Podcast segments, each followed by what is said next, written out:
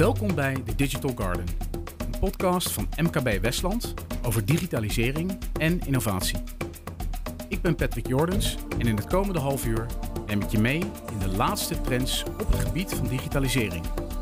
En ik geef je stof tot nadenken voor jouw organisatie.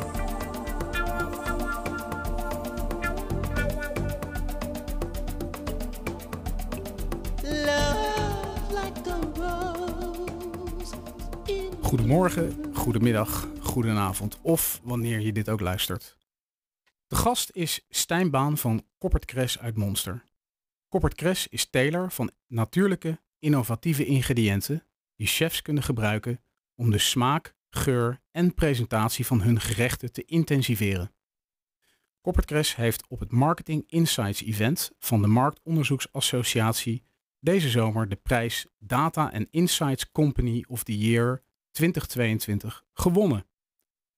Tevens de gast is René Zegers van Gibbs Analytics. Ik citeer Stijn. Zonder hen zouden we geen MOA Award hebben ontvangen. Stijn, René, welkom bij de Digital Garden. Goed, ik begin dan maar even met uh, de quote van de jury. Een behoorlijk complimenteuze quote. In een sector waar je het niet snel verwacht, maakt Corporate grote indruk met hun datagedreven manier van werken. Door de complexe keten waar ze mee te maken hebben, is er niet direct zicht op, laat staan direct contact met de eindklant, chefs.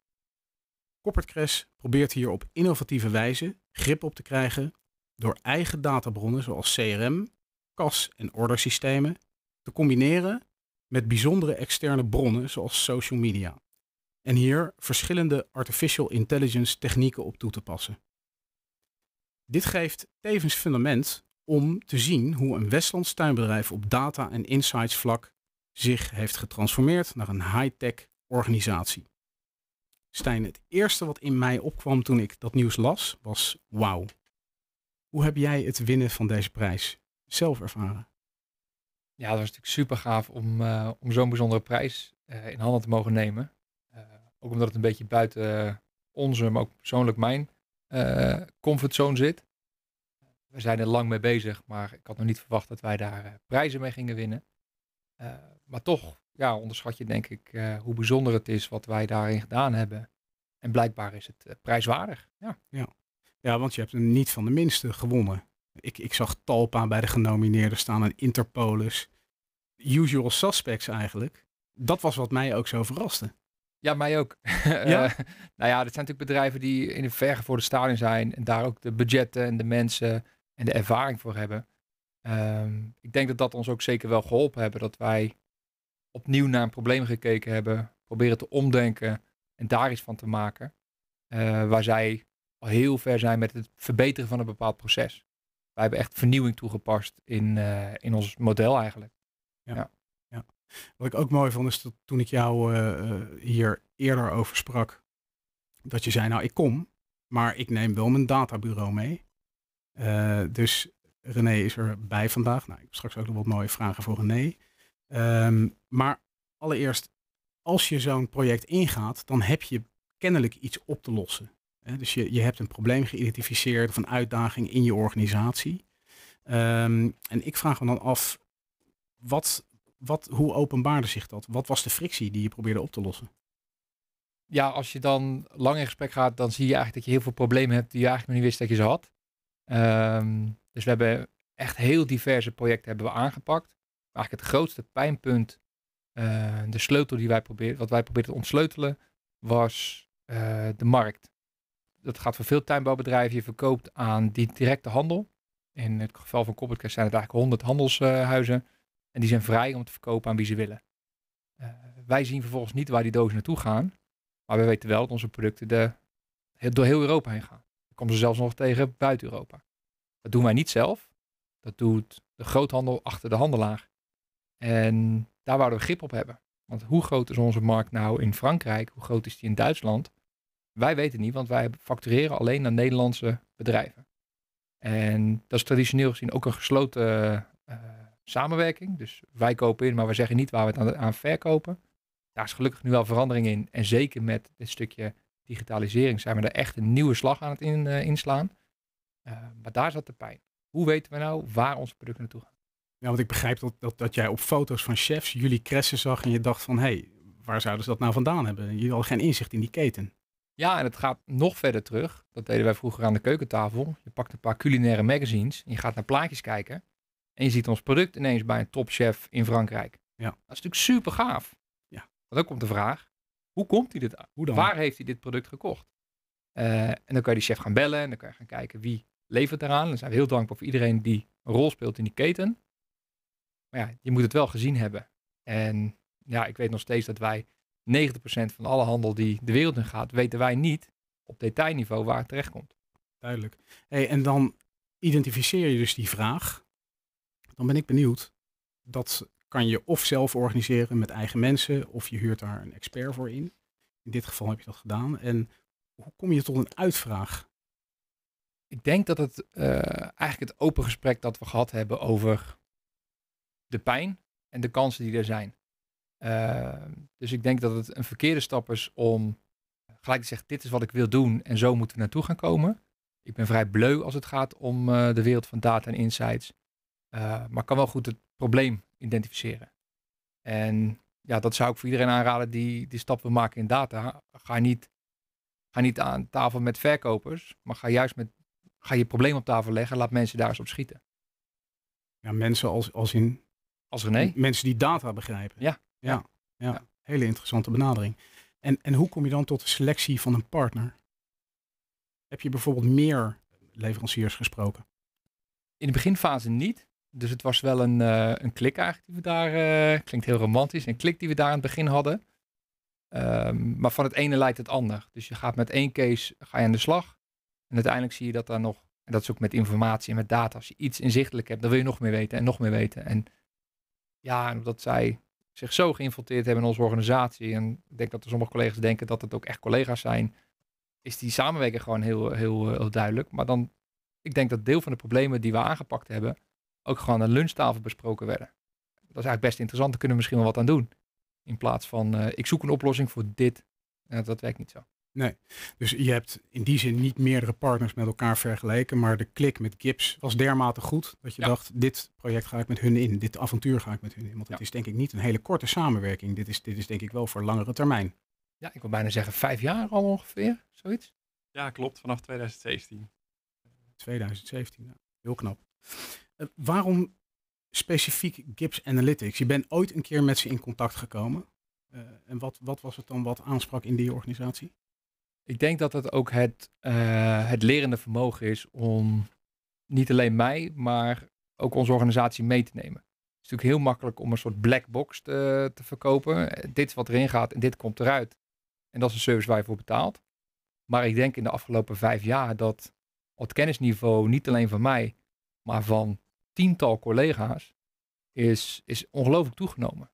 Een prachtig voorbeeld daarvan vind ik onze zijplanning. Zijplanning doen we op basis van heel veel verschillende factoren. Eh, en dat werd altijd gedaan door eh dierbare collega eh Aad, die echt al voor mijn gevoel 20 jaar, denk nog langer, binnen een organisatie. En die weet precies wat hij vandaag moet zaaien, wat over twee weken klaar is. Dat is nog een opgave. Het is ook spannend als hij op vakantie gaat. Dus hoe kunnen we daar nu data aan toepassen? Hoe kunnen we het nou echt voor elkaar krijgen? En ik heb het niet volledig geprobeerd, andere collega's hebben geprobeerd. Maar zijn buikgevoel was nog steeds vaker juist dan wat wij in Excelletjes en spreadsheets konden bedenken. Want je moet zoveel variabelen meenemen.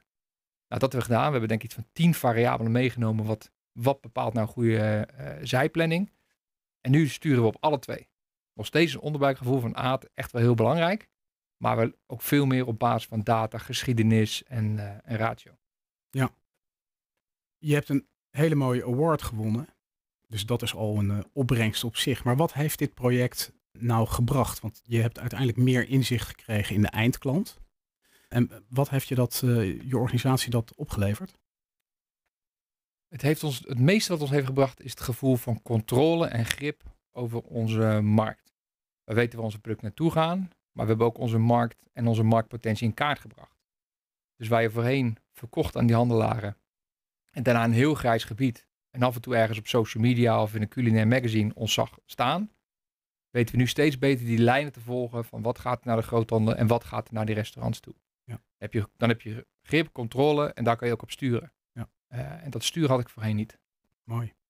René, ik ben even benieuwd. Ik stelde de vraag net aan Stijn. Waar, selecteer je een, uh, een, een, een, ik noem het even een datapartner, mag dat? Waar selecteer je een datapartner op? Waar vind jij dat een organisatie die misschien met een vergelijkbaar vraagstuk zit, zo'n partner als jullie op moet selecteren? Op, wat voor criteria, op basis van wat voor criteria doe je dat? Nou ja, het moet een partij zijn die, uh, die echt probeert mee te denken over de, de problemen waar je als organisatie van wakker ligt. En die partij die moet bereid zijn om daar helemaal from scratch uh, een oplossing voor te bedenken, vind ik. Ja. Dus uh, dat is in ieder geval hoe wij gewend zijn te werken.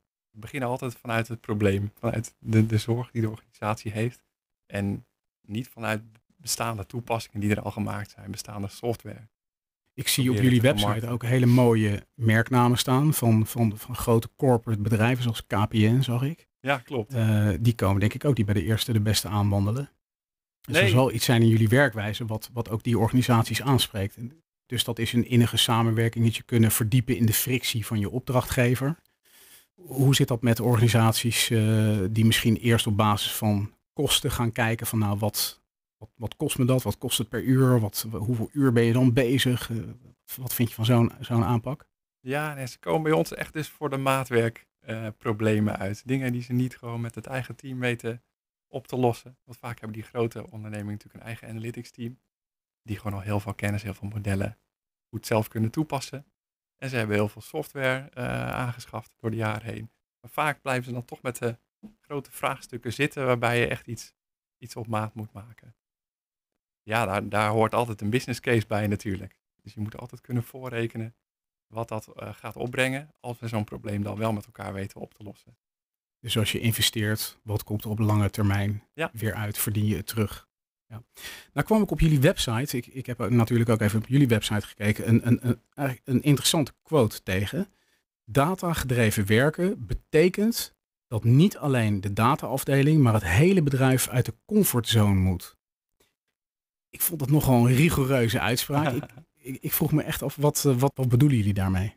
Nou ja, het is, wij kunnen wel een heel goed model ontwikkelen waarbij je bijvoorbeeld een ontzettende goede zaaiplanning kan, uh, kan maken, in het geval van Stijn. Maar je moet daar ook de organisatie in meenemen. Alle mensen die betrokken zijn bij een zaaiplanning, wat natuurlijk zoiets belangrijks is gewoon voor een, voor een teler. En je moet ze kunnen laten zien waarom het model in bepaalde gevallen uh, een ander voorstel doet dan wat je intuïtie zegt. En pas door gewoon al die stappen met elkaar te doorlopen van wat komt er bij zo'n zaaiplanning kijken en hoe kijkt het model daar tegenaan? Hoe kijkt het model aan bijvoorbeeld tegen de derving, tegen de toekomstige vraag die je, waar je aan moet voldoen natuurlijk in, je teelt. Door al die aspecten één voor één met elkaar langs te gaan, alle mensen daarbij te betrekken die op, dat moment, op dit moment daarvoor verantwoordelijk zijn, krijg je draagvlak voor zo'n oplossing. En dan pas, nou ja, dan ga je niet alleen uh, met een model werken wat, wat dus datagedreven gebouwd is, maar dan word je als organisatie datagedreven, dan worden je mensen dat ook de manier van werken en denken over hun. En wat is daar eigenlijk voor rol. nodig? Ja, nadenken over hun rol, maar wat, wat is daar eigenlijk voor nodig? Hè? Want ik kom, jij haalde net het voorbeeld aan van Aad. Ja. Uh, Aad die op onderbuikgevoel, mm -hmm. uh, eigenlijk op basis van onderbuikgevoel werkt. Uh, ja, op een gegeven moment moet je dat verlaten en op basis van de data gaan handelen. Wat heeft dat nodig voordat je mensen overtuigt dat je op die manier moet gaan denken en werken? Door het er wel heel veel met elkaar over te hebben, want vaak had hij hele goede argumenten uh, achter zijn onderbuikgevoel. Dan zei hij van ja, ik vind het toch veiliger om wat meer te gaan zaaien van dit, want het weer gaat waarschijnlijk omslaan, het kan nat worden en dat kan betekenen dat er toch een aantal tafels die we geteeld hebben zometeen moeten worden weggegooid omdat ze niet goed doorgroeien. Dat soort dingen. Nou, dat bleken dan soms toch aspecten te zijn die niet in onze modellen zaten. En waar we uiteindelijk de modellen wel mee hebben kunnen verbeteren weer. Juist, oké. Okay. Dus die reis dat je ja. de medewerkers meeneemt in het datagedreven denken. De weerstand die daaruit voortkomt, die ja. verbetert eigenlijk het proces. Ja, en het echt met elkaar willen oplossen. Het is, het is voorkomen dat er een soort wij-zij gevoel ontstaat van zij de data-analisten en wij de mensen van de praktijk, die gewoon die het al jaren doen. Ja, moet je, je moet met elkaar komen tot een betere oplossing voor zo'n probleem. En het moet geen soort, moet niet gaan voelen als een wedstrijd. Ja. ja. De data versus de, de mensen met de praktijkervaring. Nee. het is natuurlijk best abstract dat er iemand vanuit zijn bureau iets gaat zeggen over wat er moet gebeuren in de kast. Want we kunnen keuzes maken zonder een kijkje in de kast te nemen. En dat gaat bij mij ook wel eens soms tegen het gevoel in dat je denkt, ja, maar we maken een keuzes over iets wat daar groeit. Maar de, de synergie zit hem in beide dingen meenemen. En dat vind ik wel, uh, ja, daar moest ik zelf ook echt wel die stap in maken van hoe kun je nou vanuit puur je bureau uh, een beslissing maken over iets wat in de kast gaat gebeuren. Ik denk dat dat bij heel veel tuinders een raar gevoel is. Ja, dat vergt natuurlijk een enorme omslag in denken. Uh, die mensen van nature eigenlijk niet in zich hebben. Kan ik me van alles bij voorstellen. René, nog even voor jou. Die mooie prijs van deze zomer is waarschijnlijk niet van de een op de andere dag verdiend.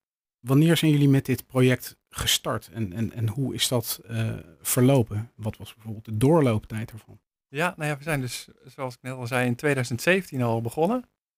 Uh, met een ad hoc vraag eigenlijk vanuit Corporate Crest toen. Uh, dat ging over, ja, kunnen jullie nou een goede inschatting maken van hoeveel groeipotentieel wij nog hebben? In ieder van de afzetlanden die we nu kennen. En nou daarbij bleek dat we in Nederland gewoon al heel erg ver zijn. Nederland is, heeft een hele hoge marktpenetratie als het gaat over het gebruik van cres in restaurants. Maar bijvoorbeeld in Duitsland en Frankrijk en uh, de andere West-Europese landen bleek er nog heel veel groeipotentieel te zijn. Dan ga je met elkaar op zoek van waar zit dat potentieel dan in? wat, welk type restaurants zouden nog meer met cres kunnen gaan werken? Welk type cateraars, welk type hotels, et cetera. Dus dat was echt een ad hoc analyse. En daarna hebben we nog een aantal losse projecten gedaan die gewoon vanuit businessvragen begonnen. En toen, nou, toen kreeg uh, Stijn de, de, smaak te pakken met zijn collega's. En toen zeiden we van, ja, dit willen we echt blijvend gaan doen. Meer gewoon ons uh, laten sturen als MT uh, door, door de inzichten die er uit data komen. Dus toen zijn we echt begonnen met een analytics afdelingje, heel klein, met twee mensen van ons en meer niet. Zijn we een eigen data warehouse gaan optuigen. Alles wat er aan data binnen de organisatie was, maar ook wat we konden verkrijgen qua externe bronnen bij elkaar brengen in dat data warehouse. Eerst maar eens gewoon dashboards opbouwen. Met dashboards kunnen mensen gewoon zelf al op ontdekkingstocht door de data. Dus dan gingen de country managers zelf al eens kijken naar en wat verkopen we nou binnen ons eigen land en hoeveel restaurants zitten daar nog. Waarom denken we dat daar nog zoveel potentieel is? Nou, dan gaan mensen zelf ook met hypothese komen. Volgens mij zouden we eens met dit product iets moeten gaan doen in dat land, onder deze doelgroep. En ja, dan ga je uiteindelijk, als je gewoon zo ad hoc je je inzichten verzameld hebt, ga je met elkaar nadenken over echt toepassingen. Zoals een model wat voorspelt wat de vraag is in ieder van die landen. Of een model wat adviseert hoeveel je zou moeten zaaien.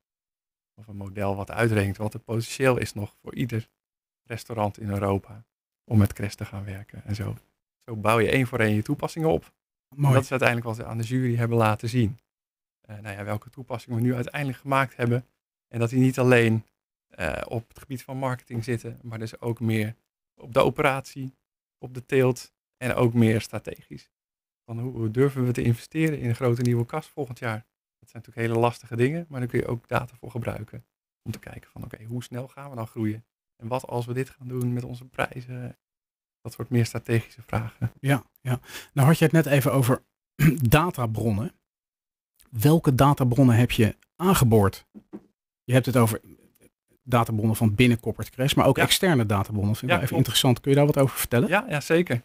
Dus uh, nou ja, we willen natuurlijk uiteindelijk die eindklanten allemaal in kaart hebben. En dat zijn gewoon alle restaurants, alle cateraars, alle hotels. In eerste instantie in Europa, maar wellicht ook nog daarbuiten meer en meer. En bijvoorbeeld voor de restaurants heb je gewoon nou ja, prachtige openbare bronnen als TripAdvisor, de website, waar zo'n beetje alle restaurants op vermeld staan. Die kun je raadplegen. Nou, zo kun je ook allerlei bronnen aankopen met goede detaildata over hotels en cateraars. En daarnaast hebben we heel veel data over de foodservice-markt.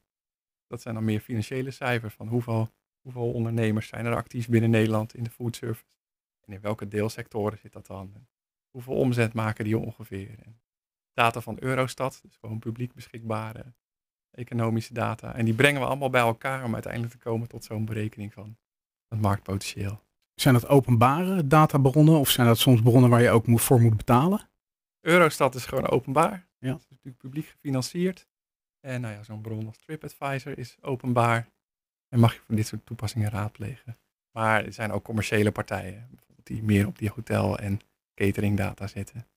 En nou ja, dan wegen we gewoon met elkaar af van is het eh, de moeite waard om een abonnement hierop te nemen. Ja. Levert ons dat voldoende extra inzicht op. Zodat we dat uiteindelijk ook weer zouden kunnen terugverdienen. Wat zijn de kritische succesfactoren geweest van deze exercitie? Nou ja, wel de investeringsbereidheid van Corporate Crash. Dat ze echt wel zoiets hadden van ja, hier willen wij iets mee.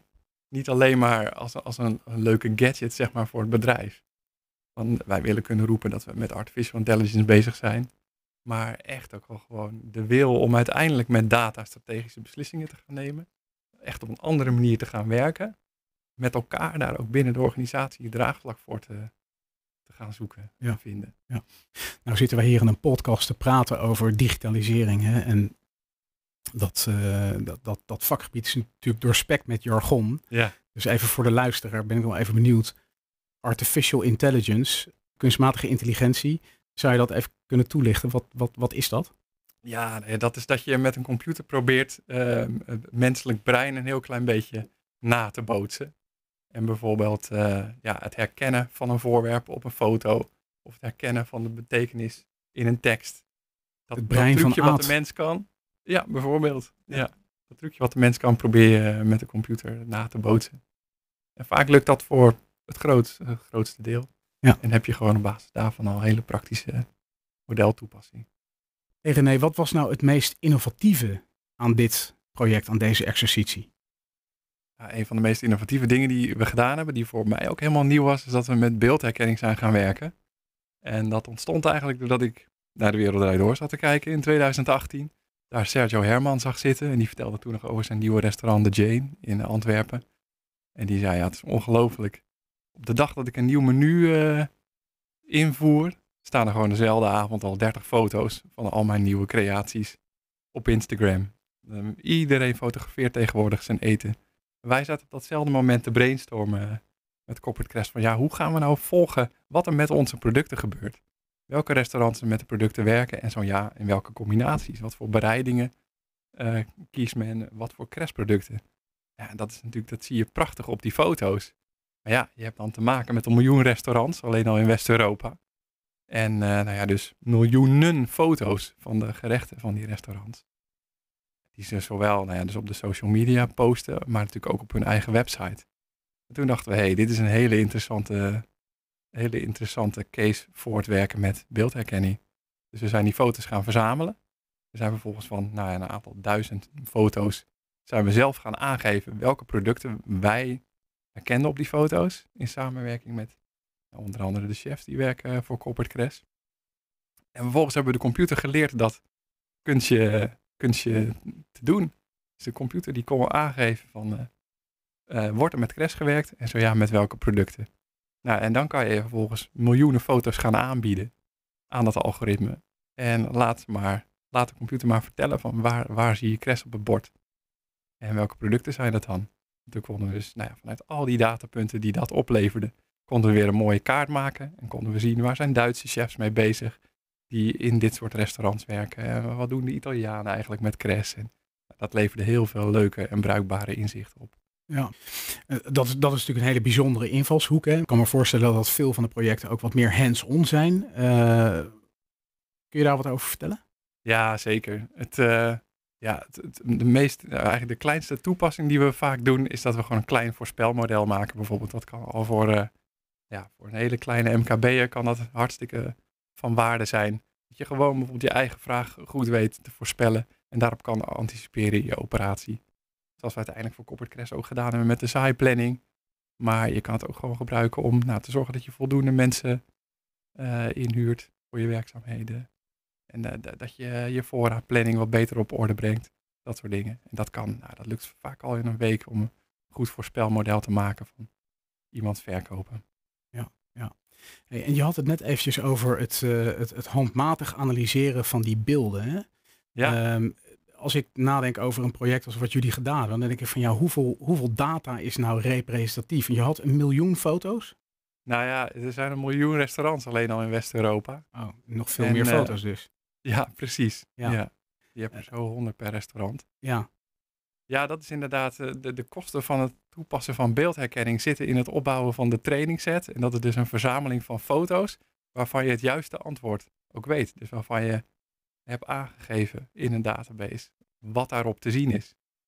Pas als je die trainingsset hebt, dan kun je modellen gaan trainen. Ja, en dat En trainen doe daar je met mensen. vaak, eh, ja, daar, daar zit wel een investering hoort daarbij. En Dat doe je met mensen ook. Ja, Mensen die foto's herkennen en dan ga je de machine vertellen, nou, dit staat op deze ja, foto. nou ja, gelukkig had Corporate Crest al een hele eigen databank. Werkte zelf veel met fotografen, gewoon voor het, het- ja, voor het maken van inspiratiefoto's. Ja, van die foto's wisten we dus zeker dat er Crest producten op lagen op de, op de borden. En ook welke dat waren. Dus dat was al een soort van gratis goed begin. Maar we hadden ook gewoon ja, foto's nodig die, die van Instagram kwamen, door mensen gemaakt. En ook die moesten gelabeld worden voordat we dat algoritme konden trainen. Moet je je dus voorstellen dat er dus eh, collega's van ons duizenden foto's hebben bekeken om te zeggen ja, crash, nee, crash, ja, crash. Om zo'n trainingsset eh, uiteindelijk dan ook eh, echt, echt te trainen en echt van waarde te laten zijn. Een hoop manuren. Ja, zeker. Ja, wel de moeite waard, want je haalt er hele mooie inzichten uit, eh, denk ik. Over over die, eh, eh, dat, dat, dat hele project en die manuren. Ik, ik vraag me af, wat heeft dit project van jullie interne organisatie gevraagd? Goeie vraag. Ja, er is ook vanuit onze kant zeker wel tijd en energie ingestoken. Dus ondanks dat wij het stukje data en analyseren eh, niet herenmeester zijn, ben je wel constant aan het kijken hoe kan je dan dit weer gaan toepassen in de praktijk. Dus inzichten zijn leuk, maar inzichten leiden wel tot actie. Dus ja, ik denk dat de, de hoeveelheid uren die, eh die ingestoken wel 50-50 zijn, gedragen door onze organisatie en dan door, eh, door Gibbs Analytics. Ja, dus het vraagt toch wel iets. En iedereen moet uit zijn comfortzone. Was, was er veel weerstand intern? Nou, weerstand klinkt alsof, eh, alsof men dan tegenwerkt. Zo heb ik dat niet ervaren. Maar zie een tuinder maar eens te overtuigen. dat is nog best wel een ding. Eh, en ook, ook mij vanuit de markt. Ik kan op een gegeven moment zeggen, deze klant heeft een marktwaarde van dit, dus die moeten we benaderen. Maar ja, mijn collega's die, die ook echt restaurants bezoeken zeggen, ja, maar die ken ik. Die gaat ons product niet gebruiken. Voor wat voor reden dan ook. Dus eh, data is niet alle heilig, maar data is een, is een middel. Het is geen doel. En dat middel moet je wel goed gaan toepassen. En wij verkopen een product aan chefs. Chefs zijn mensen met, nou, alle mensen hebben gevoel, maar chefs zijn mensen die echt op gevoel opereren. Eh, die ga je nooit overtuigen met eh, eentjes en nulletjes. Die moeten het product proeven.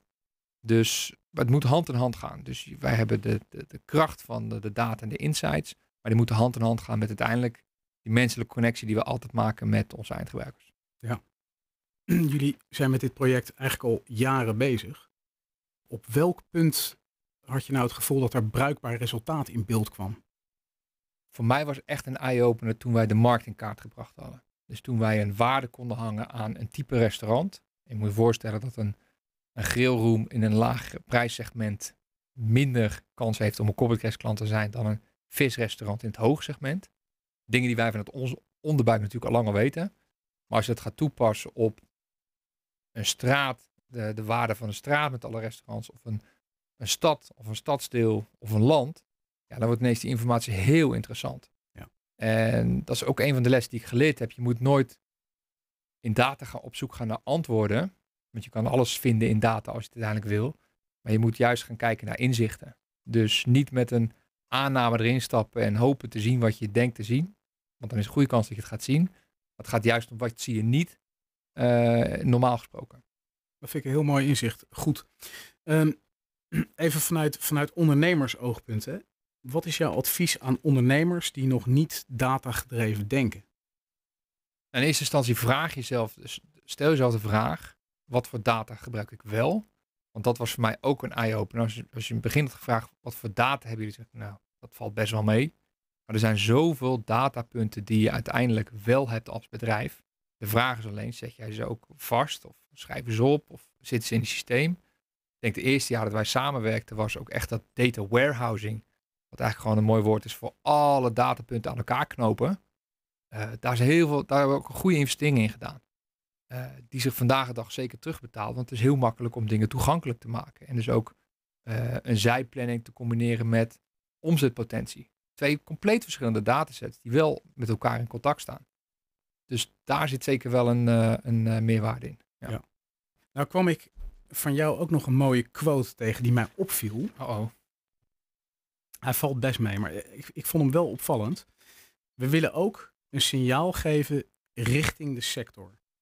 Big data voelt voor velen in de tuinbouw misschien nog als ver van hun bed.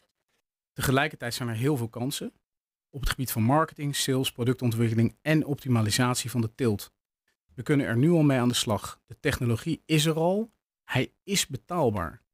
Kennelijk zie jij, zie jij nog veel weerstand tegen het werken met big data. Wat, wat zijn dan de bezwaren die jij ziet en uh, ervaart bij andere ondernemingen?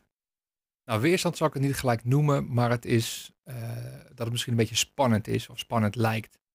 En dat moet je gaan ondervinden. Je moet ermee gaan spelen. Dat ga je zelf uh, wel of niet doen. Maar de oproep zit meer vanuit de sector. Dat ik denk dat de sector in mijn optiek veel meer regie mag hebben over waar de producten naartoe gaan. De sector heb ik dan over de tuinbouw. Tuinbouw produceert producten en heeft eigenlijk al een paar jaar geleden gezegd: als tuinder ga ik maar alleen focussen op productie. Dat ga ik zo efficiënt mogelijk doen. En daar liggen kansen voor data en die worden ook toegepast. Alleen het afzetten, de verkoop, het vermarkten of de markt in kaart brengen, de voorspellingen, dat laat ik over aan uh, andere partij.